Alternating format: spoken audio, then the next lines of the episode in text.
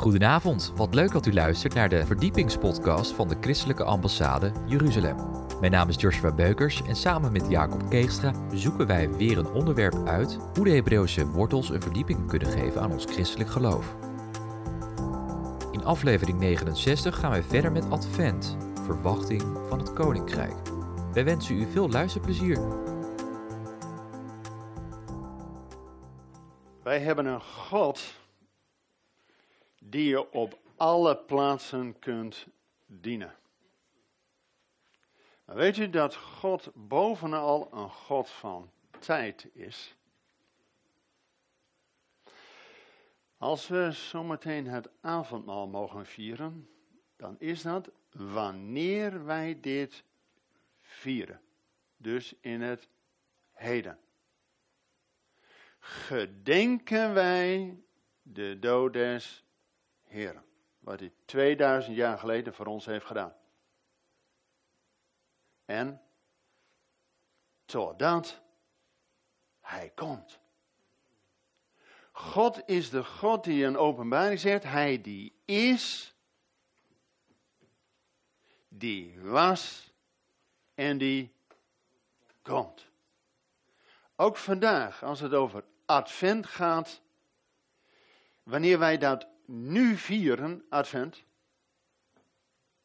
gedenken wij de eerste komst van onze Heer.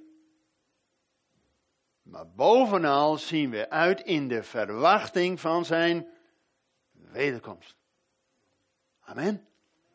Ik wil met u nadenken over de verwachting van dat koninkrijk.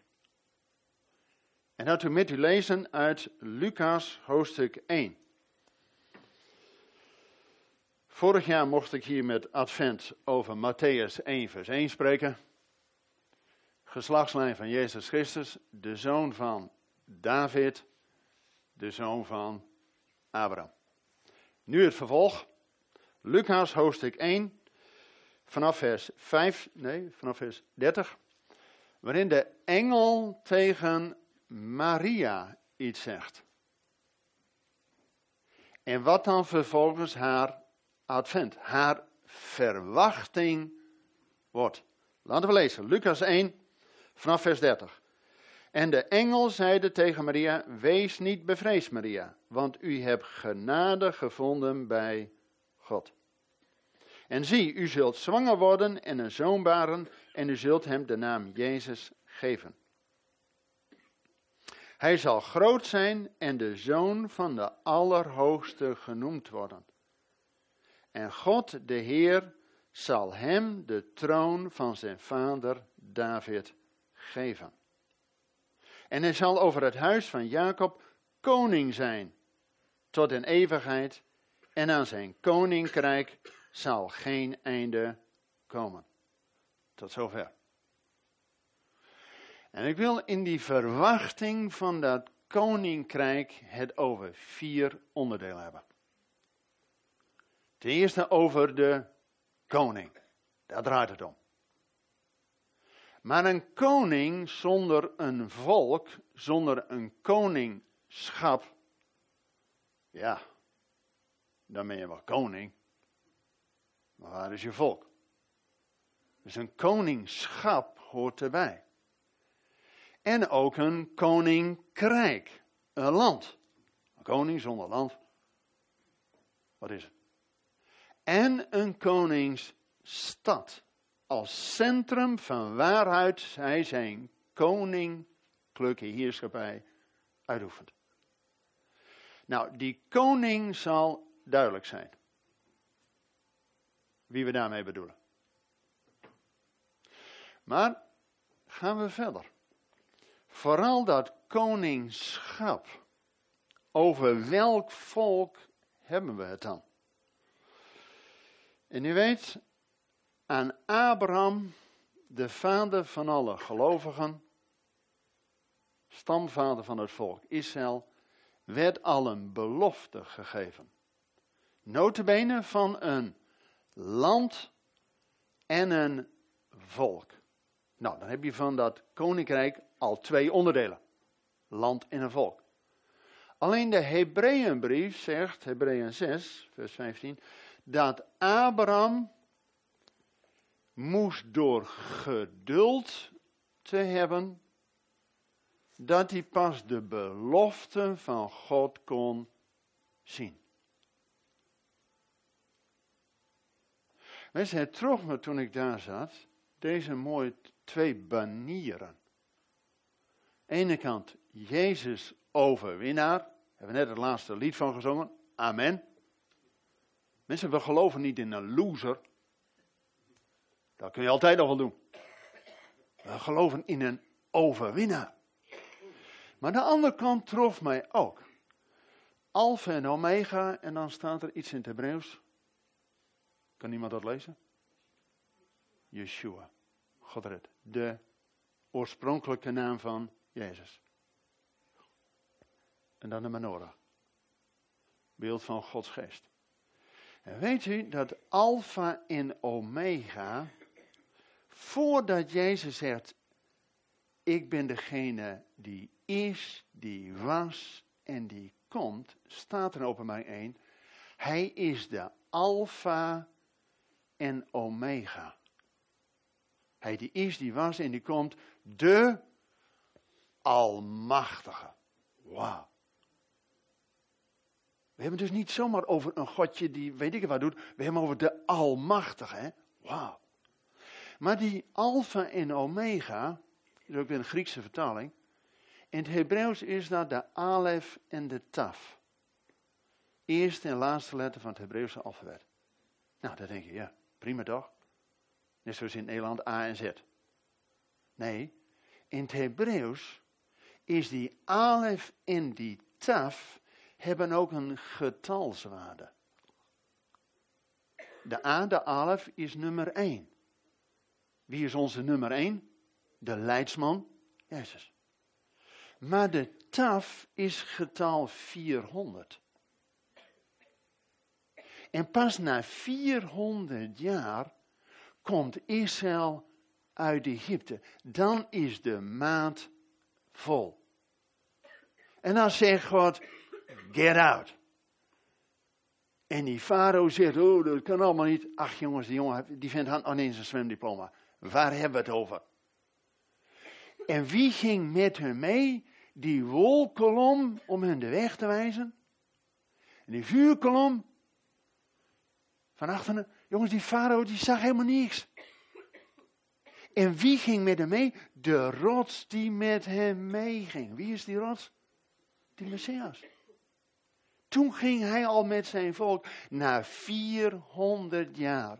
Abraham moest 400 jaar geduld hebben, zijn volk, voordat ze de eerste belofte dat Gods volk in Gods land bij elkaar komt. En wat heeft dat voor zegen voor de volkeren? Want God zei al aan Abraham, ik zal in u de volkeren zegenen. Nou, die belofte van volk en land komt na 400 jaar bij elkaar. En welke zegen heeft de wereld daardoor ontvangen? Gods woord. Een heel Gods woord, het hele Oude Testament, is geschreven door Joodse profeten. Alleen toen Israël op weg was vanuit de slavernij, de duisternis, naar het beloofde land en de uittocht hadden, toen was het wel dat zij uit Egypte waren, maar Egypte moest nog uit hen.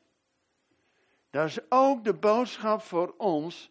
We kunnen wel een halve stap uit de wereld doen om christen te worden, maar de wereld moet ook nog uit ons, zodat we werkelijk in het koninkrijk van het licht staan. En dan gaat God die slaven die 400 jaar slaven waren geweest, dus een slaafse mentaliteit hadden, gaat God naar een koninklijke positie zetten. In Exodus 19 lezen we, gij dan, gij zult mij een koninkrijk van priesters zijn. een volk mij ten eigendom. Weet je wat het bijzondere is? Mozes was niet de koning. Nee. Kijk, Abraham was de vriend van God. Daar vertelde God alles aan. Deelde zijn hart met Abraham. Wauw. Mozes wordt de knecht van God genoemd. Nou, een knecht is geen koning. Want God was de koning over zijn volk. En dan geeft God direct het volgende hoofdstuk, Exodus 20, de tien, ja wij noemen het geboden. Dat zijn de tien woorden, de tien leefregels om in het koninkrijk te leven. Alleen als Israël dan in het beloofde land is, in het koninkrijk van God, ja, dan vergeten ze zo vaak wie hun koning is. En dan kijken ze om zich heen naar die andere volkeren en dan zeggen ze, dat willen wij ook. En Samuel, de profeet, zegt, dat moet je niet doen. God is jullie koning. Maar het volk is hard lezen en zegt, nee, wij willen niet zo'n koning als de volkeren. En dan zegt God tegen Samuel, luister nou maar naar hen. Want ze hebben niet jou verworpen, maar ze hebben mij verworpen dat ik koning over hen zou zijn. Nou, en van al die koningen die Israël gehad heeft, er is eigenlijk maar één die nog een beetje goed was, en dat was David. Zelfs Salomo, die begon goed, hè. Die begon goed. Maar zelfs een tempel voor Heer. Maar die eindigde iets anders. Maar alleen David, zelfs na dat gebeuren met Bathseba, hij komt terug. Door genade is hij er weer.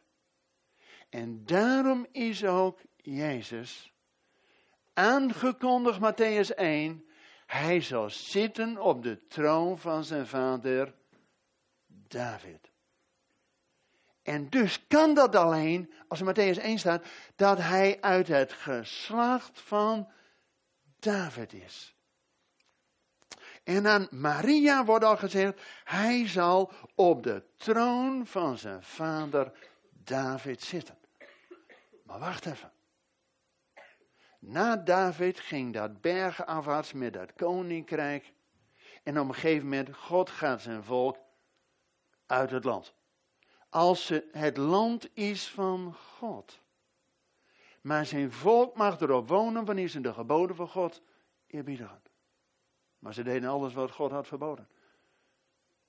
Dus God zet ze eruit. Maar God brengt hen terug na zevende jaar. En wanneer de tweede keer land en volk bij elkaar komen, welke zegen krijgt de wereld? Jongens, de Bijbel zegt, Romeinen 15, dat wij alle zegen ontvangen hebben via Israël. Nou, de eerste keer dat land en volk bij elkaar komt, krijgen we Gods woord. De Bijbel. De tweede keer als ze uit Babel komen, welke zegen krijgen wij? Gods Zoon en Gods Geest. Wauw. Wauw. En dat was ook weer na 400 jaar. 400 jaar na de laatste profeet van het Oude Testament komt die grote profeet van het Nieuwe Testament. Die aangekondigd wordt als koning. Maar de eerste keer dat hij kwam, was hij profeet en priester. Zelfs hoge priester, maar niet met het bloed van bokken en stieren, maar met zijn eigen bloed. En dan vragen de discipelen dan hebben ze, moet je nagaan, die discipelen, hè, die hadden tot drieënhalf jaar onderwijs gehad van de beste rabbi. Wauw. En weet u dat Jezus maar één boodschap had? Kijk, we kunnen over Jezus wel honderd preken houden. Daar zijn we nog niet uitgepreekt. Maar wist u dat Jezus maar één preek had? En dat deed zijn neefje Johannes de Doper ook wel. Wat was de boodschap van Johannes de Doper? Bekeert u van het koninkrijk van God, of koninkrijk de hemel, is erbij. Ook Jezus deed niks anders en hij zei, bekeert u van het koninkrijk. Als hij de koning zou zijn, dan moet je wel dat koninkrijk verwachten. Alleen Jezus zegt ook in die gelijkenissen, het koninkrijk is als een zuurdezem. Dus het heeft even tijd nodig. En hij vertelde een gelijkenis over het, Jezus sprak alleen over het koninkrijk. Het koninkrijk van God is als. En dan maakt hij het praktisch door verhalen uit de dagelijkse praktijk. Wij noemen dat gelijkenissen, gewoon onderwijsverhalen. En een daarvan zegt hij, het koninkrijk van God is als een heer die naar een ver land gaat om zijn koninklijke waardigheid in ontvangst te nemen. En tot die tijd alles wat hij had aan zijn knechten geeft om ermee te werken. En na de opstanding vertelt Jezus nog veertig dagen aan zijn discipelen over het koninkrijk. En dan is de allerlaatste vraag van de discipelen, handelingen 1 vers 8, voordat Jezus naar de hemel gaat, dan vragen zijn discipelen, Heer, herstelt gij thans het koningschap voor Israël? Dat was waar Jezus het over had. Logisch dat hun vraag was, wanneer komt er nou? Weet u dat Calvijn in zijn commentaren dit de slechtste vraag uit de hele Bijbel vond. Hij zei, hoe kunnen die discipelen dat nou vragen? Daar gaat het toch helemaal niet meer over. Na de opstanding is het toch algemeen geworden? Is toch Jezus voor iedereen? Wacht even. De discipelen en Jezus beristen niet. Jezus had het over het koninkrijk voor zijn volk. En er staat ook bij de engel aan eh, Gabriel aan Maria, hij zal zitten op de troon van zijn vader David en zal over het huis van Jacob koning zijn. Dus dat is Israël. Loop nou niet weg, wacht even, er is ook nog hoop voor ons. Maar dit is de verwachting. En ook de discipelen worden niet bericht door Jezus van, oh, slechte vraag. Nee, het is alleen thans nog niet. Maar gaat gij op weg, zodat de volken met het evangelie ook diezelfde verwachting krijgen als wat jullie hebben. En nu wij zien dat voor de derde en laatste keer Israël terug is in het land land en volk bij elkaar. Welke zegen kan de wereld, welk heilsfeit kan de wereld nu verwachten? Jongens, als we alles al hebben, Gods woord, Gods zoon en Gods geest. Wat staat er nog open en wat is het volgende heilsfeit? Wat wij verwachten, zijn komst. Zijn wederkomst. Wauw. En dat kon wel eens sneller zijn dan wij denken. Want Jezus was de eerste keer profetisch. En hij heeft over zijn wederkomst drie dingen gezegd. Daar heb ik alles met u over gesproken. Dus even kort. De eerste is dat het evangelie de wereld rondgaat.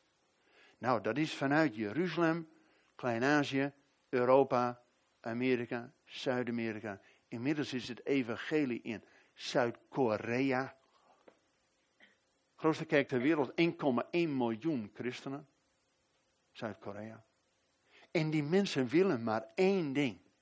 Die kom ik op de muren van Jeruzalem tegen en die evangelisten willen maar één ding. Het evangelie terug naar Jeruzalem brengen. Nu is China aan de beurt. Er zijn al 140 miljoen christenen in China. En die bouwen die, die, zijderoute en die specerijenroute worden nu met uh, sneltreinen en snelwegen, zodat ook de evangelisten sneller het evangelie kunnen brengen. In Iran is een gigantische opwekking. Bid voor Iran. U bidt misschien ook voor de heerbaan uit Jesaja 19, vanuit Egypte. Op het Loofhuttenfeest, een tijdje geleden, liepen wij met een groep Nederlanders en met 5000 christenen uit 100 landen daar. Maar voor mij liep een groep van 16 evangelische christenen uit Egypte. En die mensen trof ik daar en die zei, het is alsof wij dromen dat onze voeten hier door Jeruzalem lopen. Het is 40 jaar geleden dat Israël, eh, Begin en Sadat een vredesonderhandeling hadden. Nu 40 jaar later, weer een 40 is een periode, zijn de eerste gelovigen die door de straten van Jeruzalem Gods volk zegenen. Wauw. En dat gaat nog veel groter worden. Wat we doen is altijd maar stage lopen voor de eeuwigheid. We hebben een van die liederen hebben gezongen. Eenmaal zal alle knie zich buigen voor koning Jezus. Amen. Nou kun je beter nu alvast maar stage lopen. En Zachariah 14 zegt dat alle volken zullen opgaan naar het Loofhuttenfeest. Om een Loofhuttenfeest daar met die grote koning te vieren. Wat we doen, stage lopen. Oké. Maar Jezus zijn niet alleen het evangelie moet de wereld rond. Het trof mij vanochtend dat ik hier naartoe reed. Had ik uh, om negen uur even het journaal aan, radio. En er werd bekendgemaakt, gewoon nationaal, of uh, Radio 1, dat Reinhard Bonke is overleden. Ik vind het bijzonder dat dat gewoon op een algemene uh, nieuws is. En er werd gewoon gezegd hij heeft in zijn bediening 69 miljoen mensen tot geloof gebracht. Hij heeft daarmee Afrika getransformeerd. Wauw. Het evangelie gaat de wereld rond.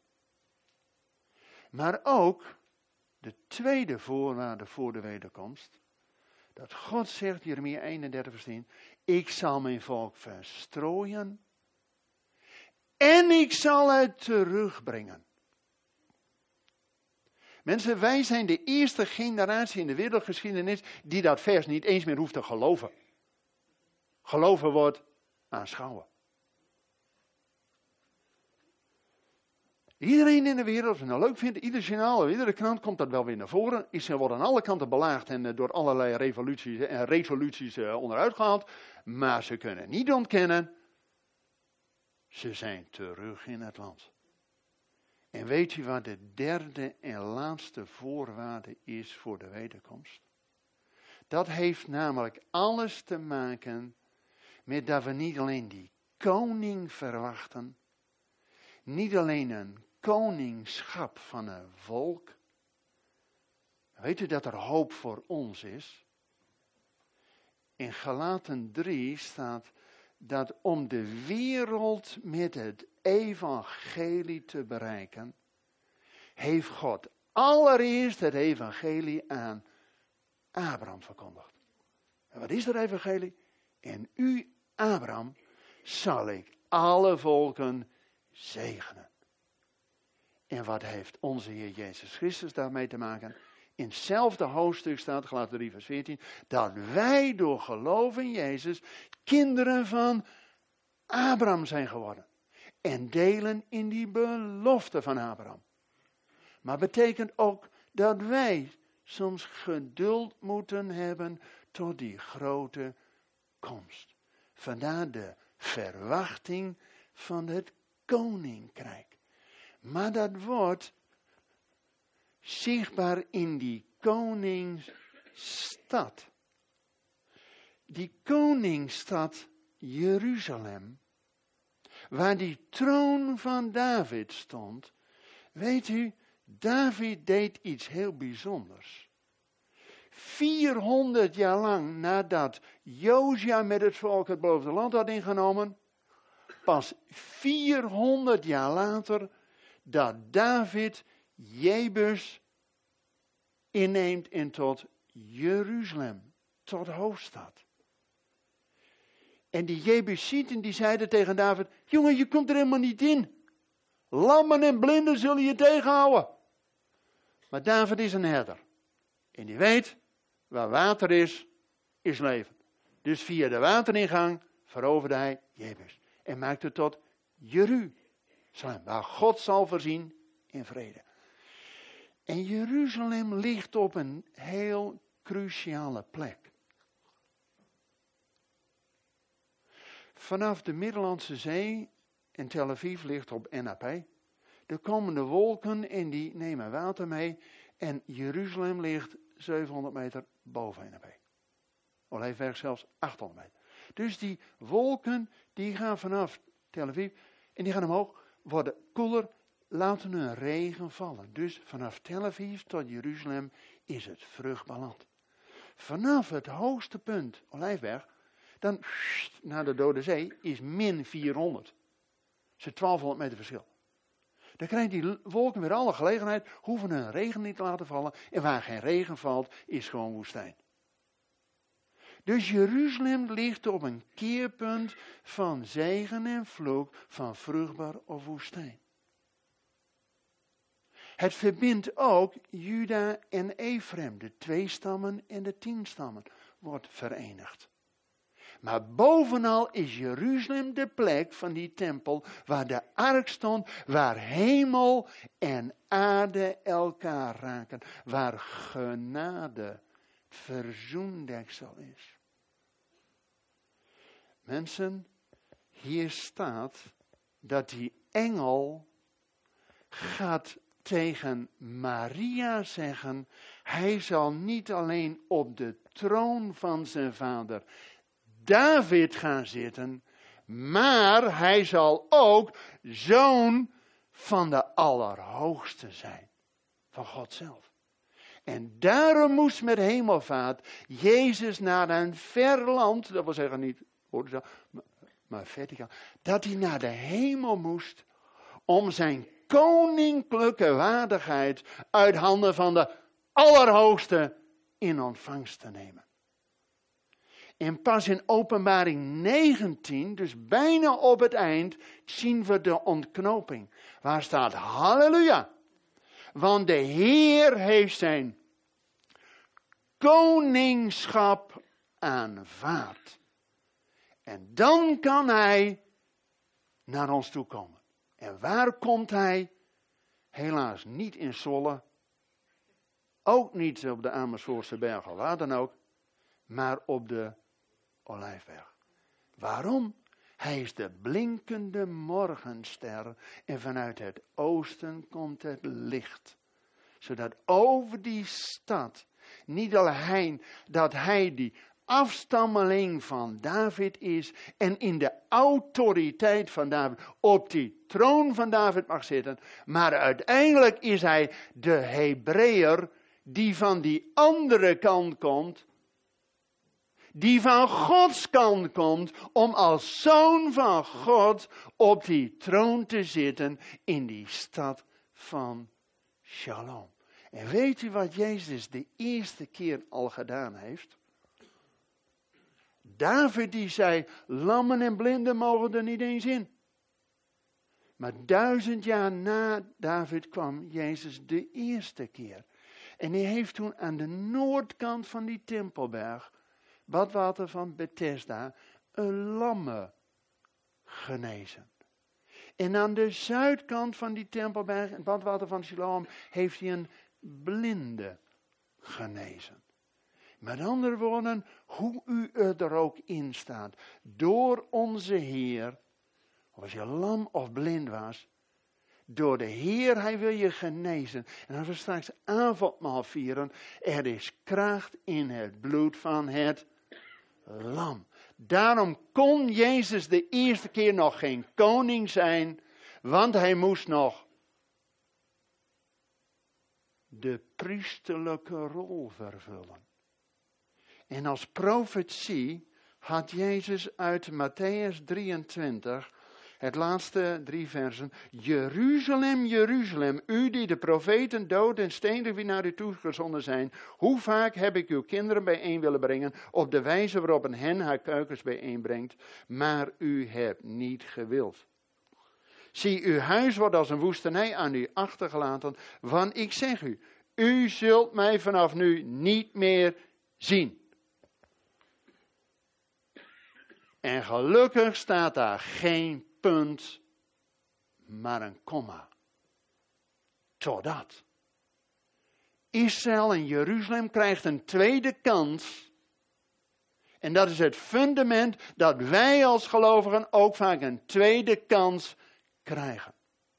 En daar staat, totdat ook zij, en gij zegt Jeruzalem, gezegend hij die komt in de naam des Heer.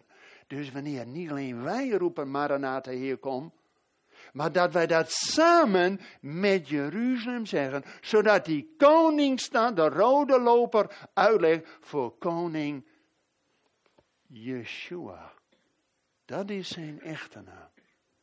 En wat zegt dit nou voor ons? De Bijbel zegt, als wij alle zegen via Israël ontvangen hebben, Gods woord, Gods zoon en Gods geest, zijn wij verplicht vanuit onze materiële dingen hen te zegenen.